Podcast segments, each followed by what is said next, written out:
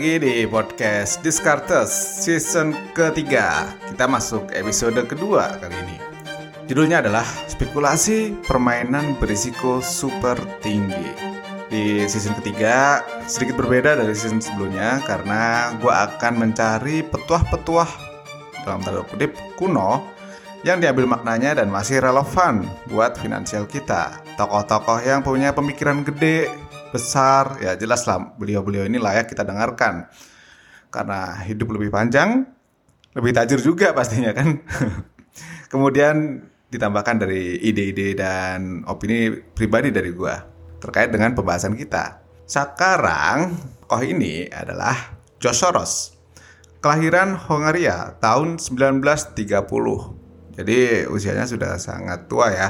Sedikit sama dengan Warren Buffett ya buat orang yang sudah terjun di dunia keuangan itu jelas namanya terkenal sekali udah pasti pernah denger gitu. Tapi buat alien yang baru masuk ke dunia investasi mungkin banyak yang belum kenal. Ya karena gaya investasi George Soros unik, caranya dia mencari informasi-informasi kelas dunia, kemudian melakukan investasi ketika sebagian besar investor melakukan investasi melawan arus ya.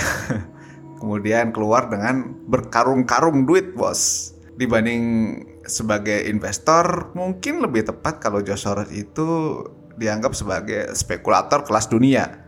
Style memainkan uang dari Josh Soros memang agak lain ya dibandingkan investor besar lainnya. Ciri khasnya sangat mengamati situasi. Soros ini tidak mengikuti kaidah investasi pada umumnya yang mengagungkan diversifikasi atau horizon jangka panjang kan itu yang biasanya masuk di sekolah-sekolah, universitas, di akademi. Tapi dia lebih memilih menggunakan leverage dan mengambil posisi tentu dengan due diligence yang ketat versi dia sendiri gitu. Salah satu aksi dia yang paling berkesan adalah pada tahun 1992, George Soros menjadi salah satu orang terkenal di pasar keuangan karena betting di Bank of England dan mengantongi lebih dari 1 miliar dolar pada tahun tersebut. Tahun berikutnya dia keluar lebih dari itu. Jadi kontroversi. Kenapa? Ya karena dia cuan ketika sebuah negara menderita. Kita masuk ke opini. Apa yang akan kita ambil petuah dari beliau? Sebetulnya ya, orang terkenal pertama yang gue tahu di dunia investasi itu justru bukan Warren Buffett, tetapi George Soros. Karena pas mahasiswa gue tertarik dengan pelajaran ekonomi manajemen, terus nyari buku-buku dan susah sekali mencari buku investasi. Akhirnya gue nemu buku ekonomi global dan membaca perihal Joe Soros. Soros pernah bilang gini, Markets are constantly in a state of uncertainty and flux. And money is made by discounting the obvious and betting on the unexpected. Betting on the unexpected adalah ciri khas dari Joe Soros. Dia punya lembaga pengelola dana ya, namanya Quantum Fund. Andai kata ada orang lama, kemudian hidup dan pernah invest 1000 dolar di tahun 1969, maka di tahun 2000-an dia akan jadi 4 juta dolar. 4000 kali lipat, Bos.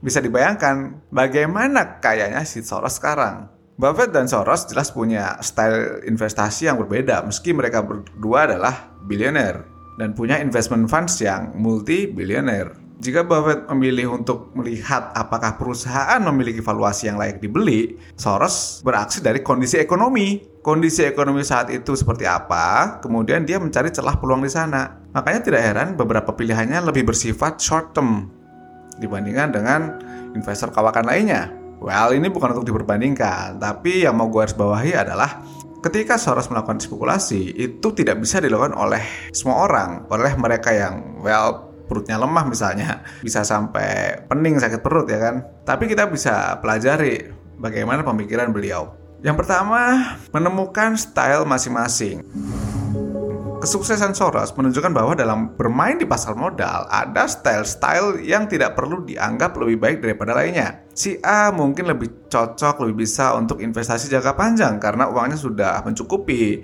Kemudian waktunya untuk bertransaksi aktif itu sangat terbatas karena dia juga menjadi seorang karyawan gitu. Si B lain cerita, bisa jadi dia lebih cocok sebagai uh, day trader karena memang kerjanya sebagai trader, tektokan sana sini setiap hari melihat chart dan sebagainya. Soros bisa sukses, Warren Buffett jelas sukses, mereka memiliki style yang berbeda-beda.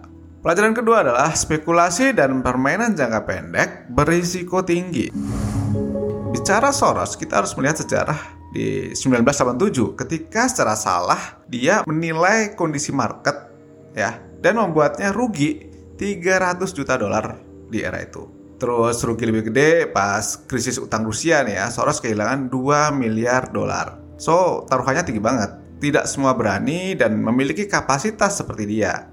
Ya jelas, at the end of the day, Soros menang lebih banyak daripada kalahnya kalau lebih banyak kalahnya ya dia nggak akan setajir dan seterkenal sekarang. Dia masih membukukan keuntungan dari aksi-aksinya, masuk jajaran orang terkaya dunia juga. Pelajaran ketiga dari George Soros adalah mengeksploitasi ekonomi. Lebih tepatnya sih mencari kesalahan ketika sebuah sistem berjalan. Tapi cara seperti ini juga tidak bisa dilakukan oleh investor yang remah kayak kita. Dan sistem tersebut jelas tidak bisa digunakan untuk jangka panjang. Karena ekonomi kan akan bersifat untuk memperbaiki dirinya sendiri. Berbeda dengan value investor kan berkatanya. So, kesimpulan apa yang bisa kita dapatkan dari pembahasan tadi? Pertama, skill itu bisa dilatih bukan karena keadaan ya. Memang tadi tidak ada ceritanya, tetapi kalau kalian melihat biografi George Soros, dia itu lahir di era Jewish sedang susah di Eropa. Makanya keluarganya juga berusaha menutupi identitas mereka ketika ada perang dunia. Bayangin kalau dia nyerah.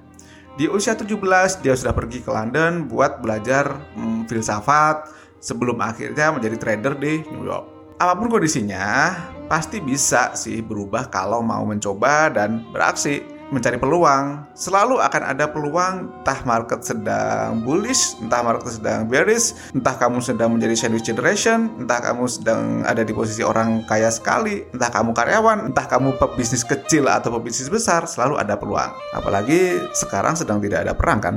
Oke, sampai jumpa lagi di podcast Discartes episode selanjutnya. Thank you and bye-bye.